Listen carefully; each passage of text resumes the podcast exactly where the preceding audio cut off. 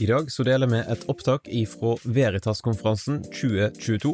Veritas-konferansen er i hovedsak et samarbeid mellom tre organisasjoner. NLA, Mediehøgskolen Gimlekollen, der Damaris Norge er en randsonevirksomhet, og laget NKSS og Bibelskolen i Grimstad. Vi vil anbefale deg å bli med på Veritas-konferansen 2023. Den 20. til 22. oktober på Bibelskolen i Grimstad. I 2023 så vil hovedtemaet være Fornuft og fantasi arven etter CS Lewis. Sjekk ut veritaskonferansen.no for mer informasjon, og meld deg på i dag.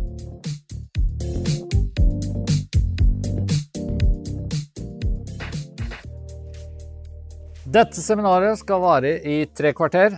Eh, jeg tror jeg kommer til å bruke det meste av den tida. Jeg håper jeg har beregna ting sånn noenlunde riktig. Men jeg tror kanskje at dette også er et av de mest provoserende, i hvert fall titlene, i løpet av Veritas-konferansen. Eh, da tenker jeg da må jeg i hvert fall sørge for at det er mulighet sånn helt til slutt å få et spørsmål, et kritisk spørsmål, en protest, et eller annet.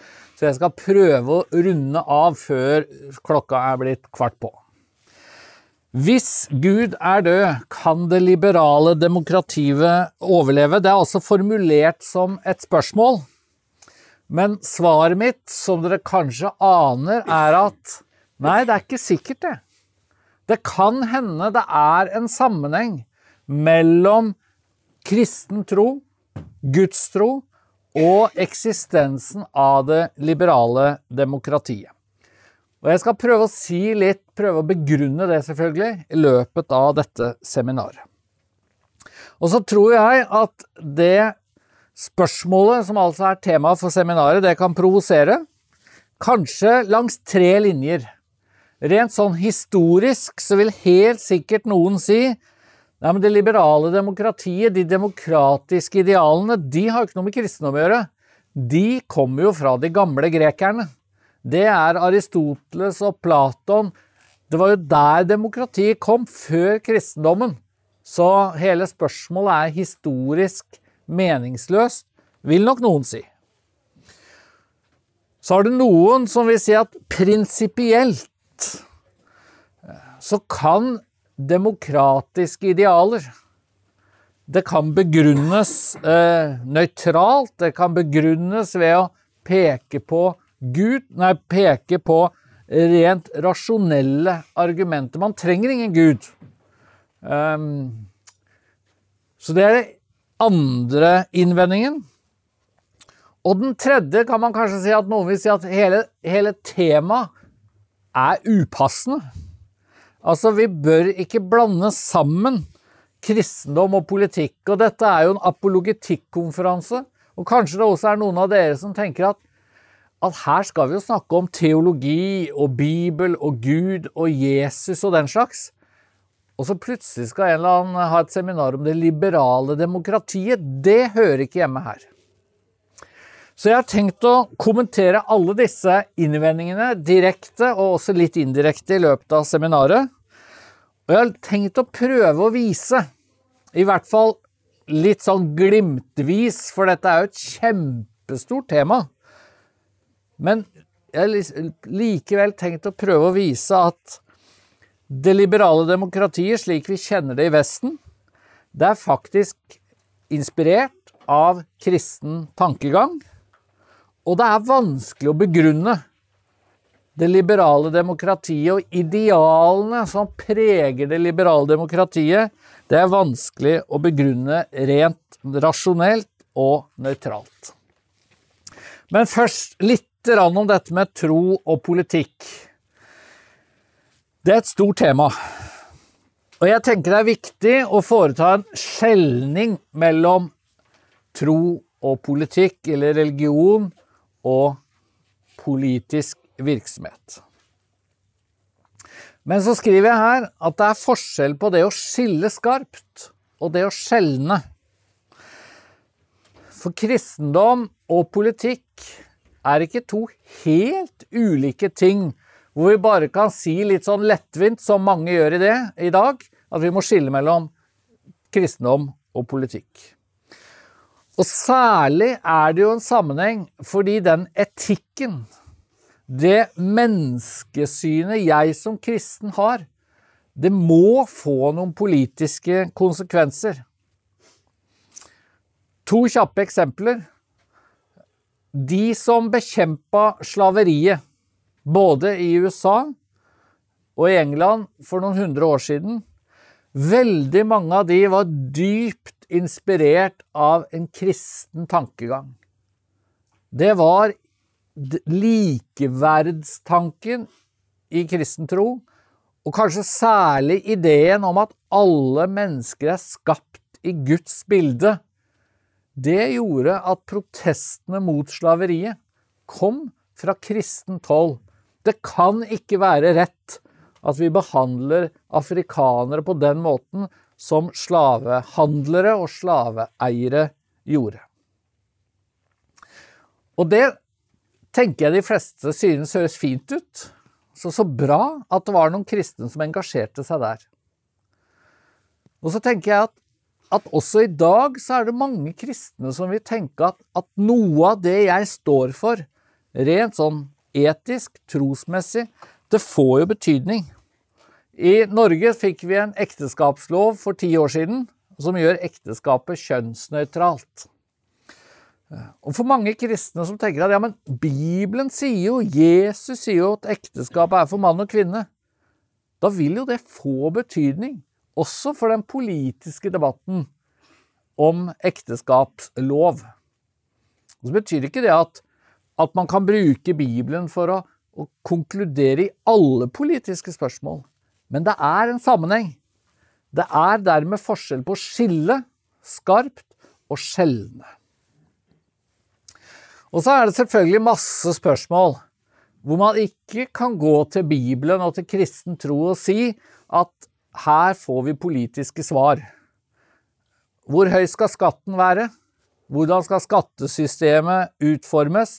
Hvor viktig er det å prioritere skipstunnel på Stad eller ferjefri vestlandskyst? Hvordan skal vi organisere sykehusdrift? Hvordan ordner vi fastlegekrise? Selvsagt vil kristne tenke ulikt, uansett hvor mye de leser i Bibelen om den type spørsmål. Og Sånn sett så er dette det er ganske komplisert. da. Hvordan lager vi koblingen, og hvordan skiller vi tro og politikk? Og det kunne jeg brukt et helt seminar på, kanskje to.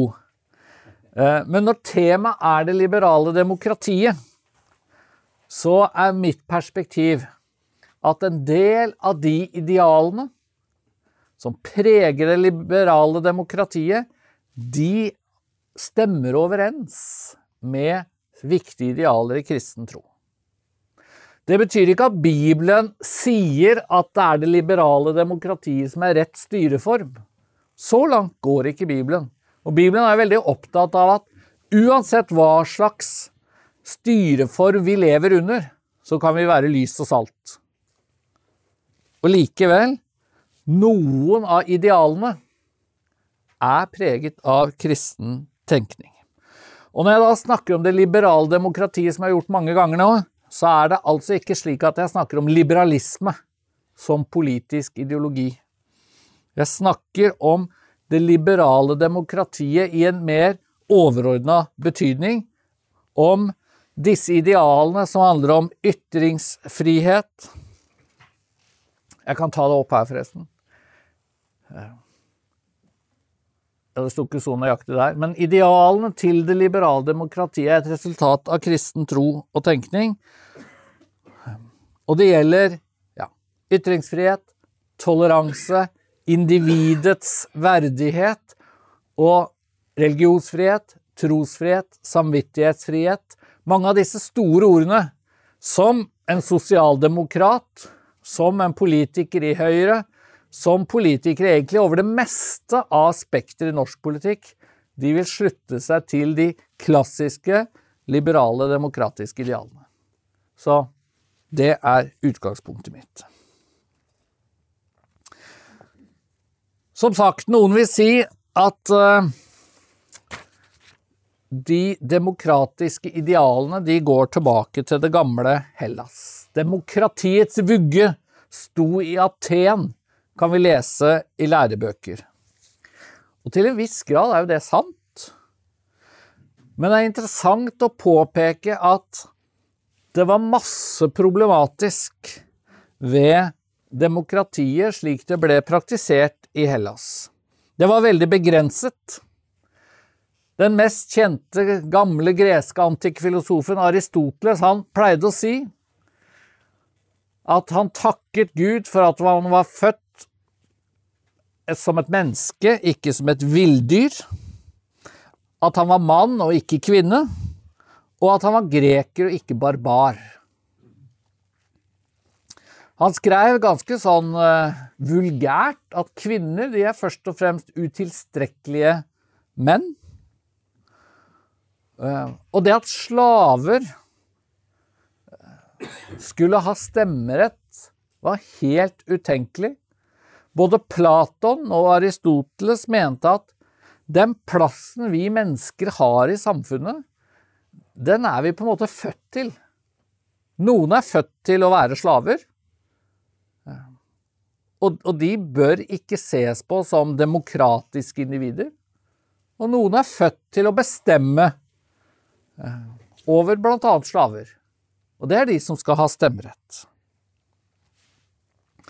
Og så er det ganske mye annet vi kan si om eh, Så er det ganske mye vi kan si mer om de, de, de problematiske ideene i um, i gamle, de gamle grekernes tankegang. Eh, individet eh, hadde en helt annen posisjon enn det vi syns er selvsagt. I det antikke Hellas og også i det antikke Roma så gikk ikke skillet slik det går i dag, eh, mellom det private livet og det offentlige livet. Skillet gikk mellom det offentlige og det familiære. Og det er en politisk filosof som heter Larry Seedentopp, som har skrevet en hel bok om hvor avhengig vår måte å tenke om individet på er av kristen tankegang. Fordi det var en selvfølge i det gamle Hellas at giftermål det handla om hva familier ble enige om. Altså En eller annen form for tvangsgifting det var en helt selvfølgelig ting i alle kulturer fram til kristendommen kom. Giftermål det handla om en allianse mellom familier, og det var ikke så veldig interessant hva 19-åringen eller 20-åringen eller 21-åringen sa om når far hadde bestemt at du skal gifte deg med han eller hun. Der kom også kristendommen med en helt annen måte å tenke på, og løfta fram på en måte individets verdighet. Og det var kirken som på 300-, 400-, 500-, 600-tallet sa at hvis en kvinne ikke vil gifte seg, så er ikke ekteskapet gyldig. En helt ny måte å tenke på. Og når det gjaldt også seksualitet sånn generelt, så kom kristendommen med en helt ny måte å tenke på. Jeg syns dette sitatet er ganske interessant. Historikeren Tom Hallen, eh, ingen kristen, jeg skal si litt mer om han etter hvert, ehm, han sier at i Roma så var det å bruke slaver og prostituerte for å dekke sine seksuelle behov, det ble sett på omtrent som å tisse i veikanten. Og så forteller han at på latin så var eh, det å tisse og det å ha samleie, altså, eller urinere, og det å ha samleie, det var samme latinske ord. Så liksom hva man brukte som mann sin penis til, om man tissa eller om man lå med et menneske fordi man hadde behov for det, det var liksom hipp som happ. Og som han skriver i den boka, denne metoo-bevegelsen som kom, den er egentlig dypt inspirert av kristne idealer. Du kunne aldri funnet en metoo-tankegang i det gamle Hellas. For det var en selvfølge at menn kunne ligge med hvem de ville, så lenge de hadde makt. At makt ga tilgang på sex, og at dette med samtykke og frivillighet egentlig var ganske uinteressant, det var den greske tankegangen. Så kort sagt kan vi si at det vi i dag, mange av oss, tar som en selvfølge, at individet er viktig, at alle har samme verdi, at ekteskapet skal være basert på frivillighet Det er ikke innlysende tanker. Det er ikke noe det nødvendigvis er så lett å rasjonelt, nøytralt begrunne. Det er en frukt av kristendommens sterke posisjon. Så kan vi gå til hovedspørsmålet. Kan det liberale demokratiet begrunnes sekulært? Jeg har allerede antyda et svar, nå skal jeg prøve å utdype det. For mange så er det jo litt sånn opplagt at demokratiet, det liberale demokratiet, det er en frukt av opplysningstiden. Eh, stikkord som ytringsfrihet, toleranse, menneskerettigheter Det kom liksom på 1600-1700-tallet. Det er den vanlige fortellingen. Og den vanlige fortellingen er også at middelalderen eh, Det var en forferdelig tid. Det er blitt en slags eh, moderne myte at opplysningstiden sørget for en revolusjon. Fordi i middelalderen, da drev man med heksebrenning. Da drev man med religionskriger. Da drev man med korstog. Da drev man med inkvisisjoner. Eh, og så kom heldigvis opplysningstiden. Så kom den sekulære, ateistiske tankegangen.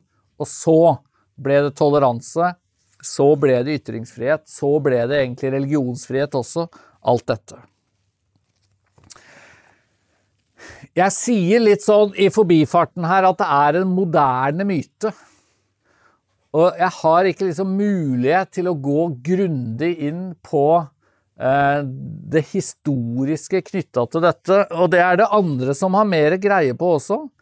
Eh, her på Veritas-konferansen har vi Bjørn Are Davidsen, som eh, pleier å holde foredrag. og han er på en måte veldig stor ekspert på middelalderen opplysningstiden og forholdet mellom dette, og har klart å vise gjennom mange bøker Du kan antagelig løpe og få kjøpt en av de eh, i bokhandelen.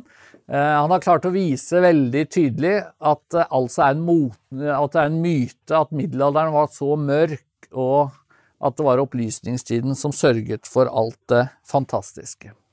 Men en bok som eh, faktisk kanskje er den mest oppbyggelige boka jeg har lest siste året eller to, det er Tam Hallen. Og her jeg faktisk funnet en dansk utgave, for den fins ikke på norsk. Men den fins på engelsk, og den er oversatt til dansk.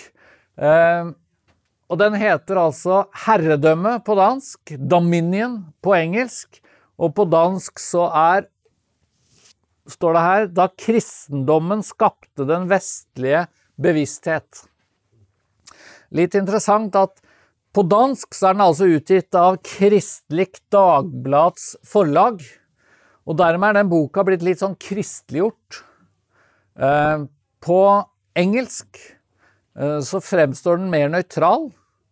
Eh, men når man leser den, så lærer man på en utrolig overbevisende måte at den dag i dag så er vi mennesker vi er preget av middelalderens idealer. Vi er preget av kristendommens idealer. Eh, og det er rett og slett en myte at det var med opplysningstiden, med ateismen, med de sekulære perspektivene Det er en myte at det var det som sørget for det, for de idealene vi i dag holder høyt. Eh,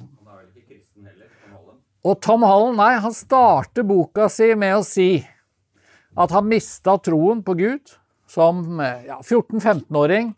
Han eh, var eh, oppvokst med en litt sånn nominell kristendom, og, og, på en måte aksepterte den myten om at alt det flotte vi mestlige mennesker tror på, det er sekulære idealer.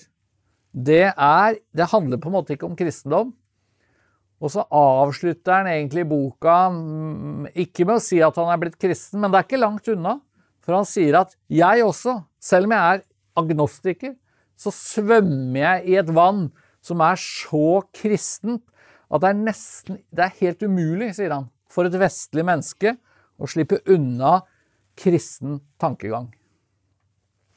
Og jeg skal si litt mer om det. Han sier også, apropos disse idealene som vi eh, nå snakker om, de demokratiske idealene og menneskerettighetene, så sier han at Marquis de Sade, denne franske berykta filosofen, opphavsmannen til begrepet sadisme, så det sier jo sitt. Jeg skal ikke si så mye mer om han, men han oppdaget at eksistensen av menneskerettigheter ikke var lettere å bevise enn eksistensen av Gud. Og så hvis du er sekulær, og det var Marquis de Sade, så er det å tro på Gud og det å tro at det finnes menneskerettigheter, det er egentlig samme kategori. Fordi det henger også sammen. Som kristen tror vi at mennesket er skapt i Guds bilde, men hvis du ikke er kristen, hva skal du da tro om menneskeverd? Men som sagt, mye av det vi møter alle sammen i dag, det som er en selvfølge, tror jeg, langt på vei i norsk skole, det er at liberale, demokratiske idealer de kan begrunnes rasjonelt og nøytralt. Og det har vært veldig vanlig å tenke i noen tiår, og kanskje særlig pga. en amerikansk statsviter som heter Francis Fukuyama. Amerikansk-japansk kan man kanskje si, dere hører det på navnet. Francis Fukuyama. Og han skrev i 1989, når jernteppet falt, så skrev han at nå har det vestlige demokratiet bevist at det er overlegent alle andre eh, ideologier. Da klappa på en måte kommunismen sammen som ideologi. Nazismen klappa sammen med annen verdenskrig. Eh, fascismen er vekke. Eh, på en måte det som sto igjen, det som vant, skrev Francis Fukayama, det var det vestlige, liberale demokratiet. Og jeg var 18 år når han skrev dette, eh, og jeg tror jeg også på en måte er oppvokst nærmest med den måten å tenke på at selvfølgelig er det mest fornuftig, selvfølgelig er det mest rasjonell å tenke at ytringsfrihet, trosfrihet, individets plass den vestlige måten å tenke på det, det er nøytralt, det er rasjonelt, ikke blant Gud inn i det. Og så er det interessant da at uh, Fukuyama har langt på vei uh, eh, endra syn. Han kom med en bok for et par år siden nå som på en måte handler, handler mer om kan vi redde demokratiet? Fordi han ser at det han profeterte i 1989, det holder jo ikke stikk. Det liberale demokratiet er jo nå i ferd med å tape. I Kina, i Russland og i veldig mange andre steder. Og hvorfor er det sånn? Og jeg tenkte jeg skulle gi noen glimt av hva som kan gå galt.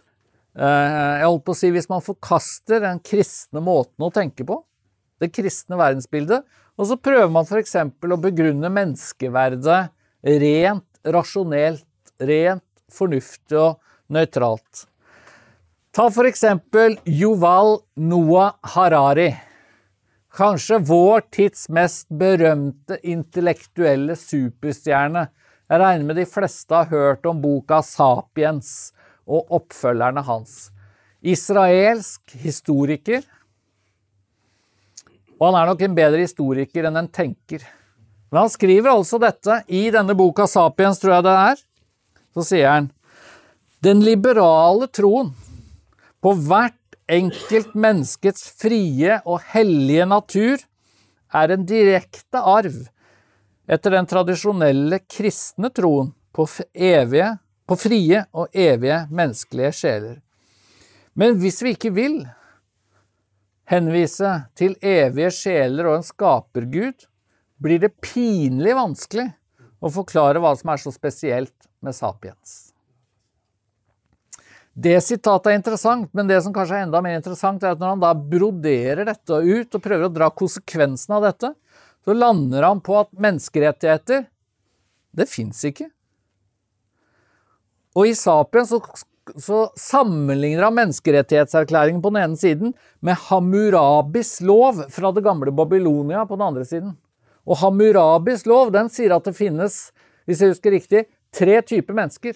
Det finnes de på toppen, og så finnes det vanlige folk, og så finnes det slaver. Og så sier Hammurabis lov at det er på en måte en sånn evig orden, at det finnes tre typer mennesker som har da ulike rettigheter ut ifra hvilken gruppe man tilhører, ikke sant? Og så sier menneskerettighetene at nei, det er ikke sånn. Alle mennesker er likeverdige, sier menneskerettighetene. Og så sier Harari at ingen av disse har rett. Både Hammurabis lov og menneskerettighetene er noe mennesker på et eller annet tidspunkt har konstruert i historien. Og hvem er vi som skal si at menneskerettighetene fra 1948, det er liksom sannheten, og Hammurabis lov er feil. Nei, sier Harari, alt dette er bare konst menneskelige konstruksjoner. Ingen har mer rett enn andre. Altså, det å begrunne menneskeverdet, som er selve fundamentet for det liberale demokratiet, for stemmerettsideen. Én mann, én stemme, alle skal bety like mye, klapper sammen i en tradisjonelt sekulær tankegang. Og så I tillegg kan man jo trekke fram dyrevernsaktivister Peter Singer, den mest kjente, Princeton-etiker, eh, som sier at nå har vi kvitta oss med rasisme i vår verden. Og det er bra. Det vi nå må fjerne, det er spesisism. Eller på norsk kan vi kalle det for artssjåvinisme eller noe sånt. Altså det å si at mennesker er mer verdt enn dyr. Det er like ille som rasisme. Det å skille mellom mennesker og dyr på den måten, sier Singer, det skyldes også kristen tankegang. Det skyldes at kristne sier at det er noe helt spesielt med mennesket. Vi er skapt i Guds bilde. Det er jo ikke rasjonelt, det er jo ikke fornuftig, det kan jo ikke sekulære mennesker tenke. Og så tar han konsekvensen. Dyr og mennesker prinsipielt like mye verdt. Hvor blir det av menneskeverdet i sekulær tankegang? Det forsvinner. Og så tenkte jeg jeg skulle ta kanskje det vanskelige temaet, det vanskeligste temaet. Hva med toleranse? For når jeg diskuterer dette med folk, så vil mange være enige at ja, menneskeverdet, kanskje ytringsfrihet, ganske mange ting Ja, vi kan kanskje si at det er et eller annet med kristendom som, som er på en måte garantien for det. Men toleranse Er det ikke sånn at f.eks. i middelalderen, som jeg allerede har nevnt, så var det korstog og heksebrenning og inkvisisjon, og det var religionskriger. Er det ikke helt opplagt at det er blitt bedre de siste 100 årene? Toleransen har på en måte vunnet fram, og det skyldes den sekulære Altså, det er et sekulært fremskritt, kan vi kanskje si. Og dette er det litt vanskelig å snakke om, fordi toleransebegrepet er blitt et slags sånn slagord som ikke alltid sier så mye. Så jeg prøver å oppsummere min respons i tre. Det første jeg har lyst til å si, er at det er altså ikke opplagt at sekulære mennesker er så mye mer tolerante enn kristne mennesker, eller at moderne mennesker i dag er så veldig mye mer tolerante enn man var i middelalderen. Og så betyr ikke det at man skal bagatellisere ting som skjedde i middelalderen. Det har skjedd ganske forferdelige overtramp fra den kristne kirke. Både i middelalderen og seinere. Men det skjer dessverre overtramp når temaet er toleranse hele tiden. I veldig mange sammenhenger. Og hvis vi altså tar den moderne tid, så skriver Edward Grant, som altså er middelalderforsker, historiker. Jeg tror ikke han er kristen. Han har skrevet i en veldig anerkjent bok om middelalderen. Få i middelalderen ville ha konkludert med at tortur og eksekusjon av heretikere og hekser var ufornuftig. Så det må vi innrømme. Men det 20. århundre var ikke ukjent med slik opptreden. Adolf, mens de torturerte og myrdet millioner på millioner, hersket Adolf Hitler og Josef Stalin over en statsadministrasjon som baserte seg tungt på vitenskap, og nettopp derfor på den fornuften som gjorde alt dette mulig. Ja, sier Edward Grant, det skjedde mye forferdelig i middelalderen, men faktisk, rent historisk vurdert, småtteri mot det Stalin og Hitler drev med. Og det Stalin og Hitler hevdet, det var at vi er moderne, vi. Vi har forlatt på en måte den gamle kristendommen, for den må vi gi opp. Vi er moderne, vi er vitenskapelige, vi er rasjonelle. Og så satte de altså intoleranse i system på en helt grufull måte. Ok, det var nok et lite historisk blikk, men jeg skal gå videre. Ikke opplagt at sekulære er mer tolerante, heller ikke opplagt at det liberale demokratiet kan fungere uten et minimum av enighet om verdier. Og dette er viktig, for det er egentlig det veldig mange prøver å si i dag, og som nok var selve ideen også til Francis Fukuyama i 1989, er at det liberale demokratiet det klarer å skape fellesskap. Det klarer å skape enhet i en nasjon, selv om man er uenig om nesten alt. Ikke sant? Ulike livssyn, ulike verdier, ulike ideologier. Sosialdemokrater, konservative, liberale. Uansett hva du står for, vi på en måte, vi klarer å holde sammen i det liberale demokratiet.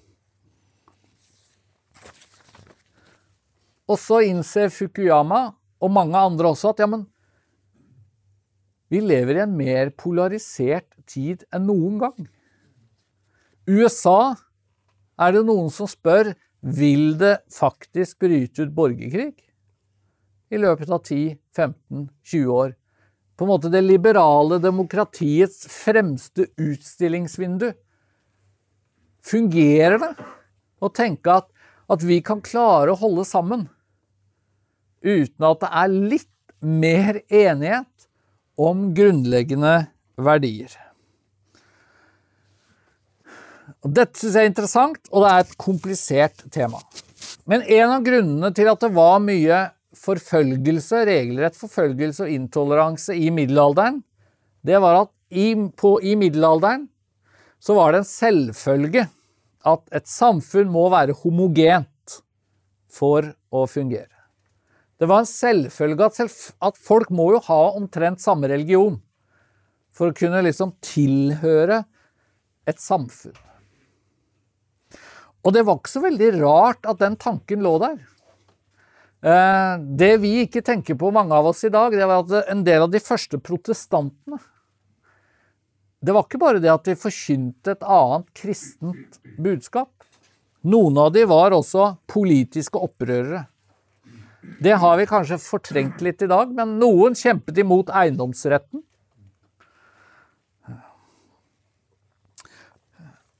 Noen mente at hele strukturen i samfunnet måtte forkastes. Og det er klart at det trua stabiliteten, og det er ikke så rart at noen av disse protestantene ble grufullt forfulgt.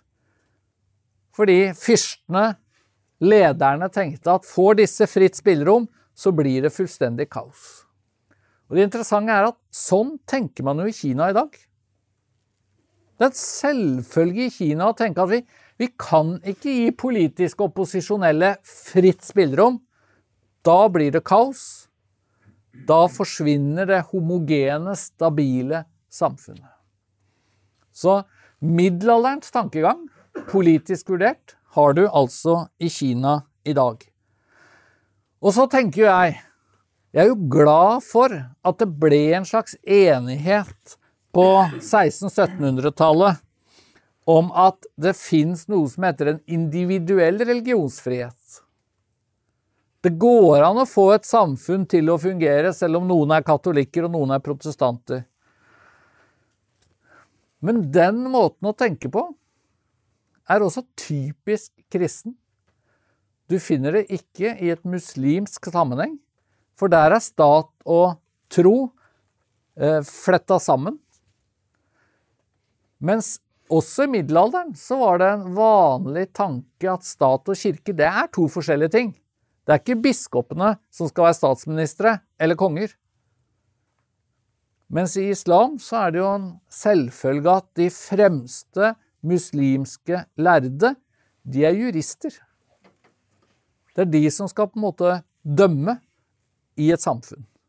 Og så har du sharia-loven, som jo handler om at islamske, muslimske lærde avgjør. Rett og galt og lov og rett. Det som også er et typisk trekk ved det liberale demokratiet, det er at det er forskjell på ord og handlinger. Eh, ord er på en måte bare ord. Det skal være lov å si hva som helst. Vi har ytringsfrihet. Det skal ikke være lov å gjøre hva som helst. Og for mange av oss er jo det en selvfølge eh, at det er forskjell på ord og handlinger. Men det er et skille som nå er i ferd med å klappe litt sammen. Eh, I en del identitetspolitiske sammenhenger, både i Norge og andre steder. Vi har fått lover mot hatprat. Og jeg skal ikke påstå sånn bastant at alle lover mot hatprat er eh, forkastelige og er ukristelige. Men at de kan brukes for å stanse reell ytringsfrihet, er det ingen tvil om. Og jo strammere det blir, jo mer tydelig blir det at plutselig forsvinner dette skillet, som har vært helt sentralt i det liberaldemokratiet, og som også kommer ifra en kristen tankegang. At vi skiller mellom ord, vi skiller mellom tro. Der må folk på en måte ha sin private sfære, hvor de får lov å si hva de vil, de får lov å tro hva de vil, men de får ikke lov å gjøre hva de vil. Der må staten sette grensen.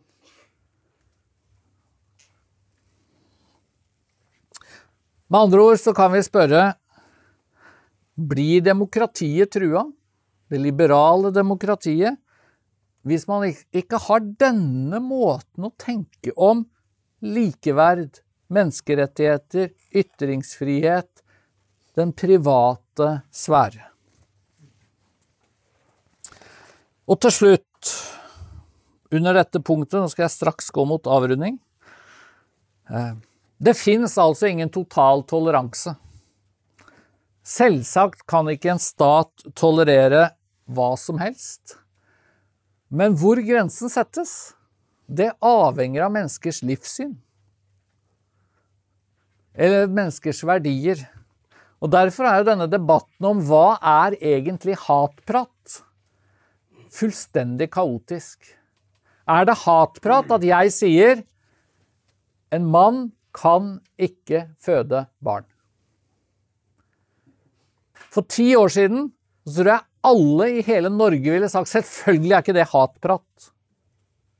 I dag er det hatprat, ifølge bevegelsen FRI og andre organisasjoner, fordi du tråkker på transpersoner ved å si at en mann kan ikke føde barn.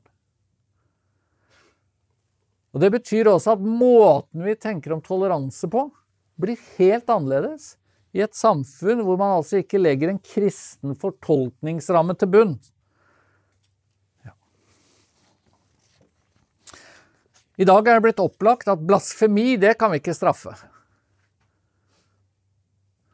Men det å altså mene noe om eh, transproblematikk, LHBTQ eh, På ganske få år så er det blitt en selvfølge at i en nøytral stat så må alle flagge med pride. Det sier noe om at at en stat kan jo ikke være totalt tolerant. En stat vil alltid ha legge noen eh, grunnregler i bånn. Og, og, der er Norge i ferd med å endre seg. Store deler av den vestlige verden er i ferd med å endre seg. Og da får man faktisk et annet type demokrati, og kanskje blir det ikke liberalt demokrati på den måten som, som Vesten har vært preget av. Jeg skal avslutte med å si at hvor sekulært er Norge? Det syns jeg er et utrolig vanskelig spørsmål. Tom Hallen sier at å leve i et vestlig land er å leve i et samfunn som fremdeles er fullstendig gjennomsyret av kristne begreper og forutsetninger. Og Larry Sedentorp, som jeg har nevnt, eh, som altså har forsket på individets frihet, han sier at det kan ta århundrer før grunnleggende endringer i, eh, i moralen blant folk flest, og endringer i tro, fører til justeringer i sosiale institusjoner. Med andre ord så kan sekulariseringen den kan ta århundrer før den på en måte får betydning f.eks. For, for hvordan vi tenker om det liberale demokratiet. Og så har jeg et veldig interessant sitat fra Barack Obama fra 2006, altså før han ble president. Eh, jeg skal ikke lese hele, for det er litt for langt, og jeg har lyst til å gi mulighet til en kort kommentar eller spørsmål fra noen av dere. Så jeg hopper til den siste, som jeg syns er utrolig stilig, også at det kom fra han. Å si at menn og kvinner ikke skal bruke sin personlige moral i offentlige politiske debatter, er en praktisk absurditet.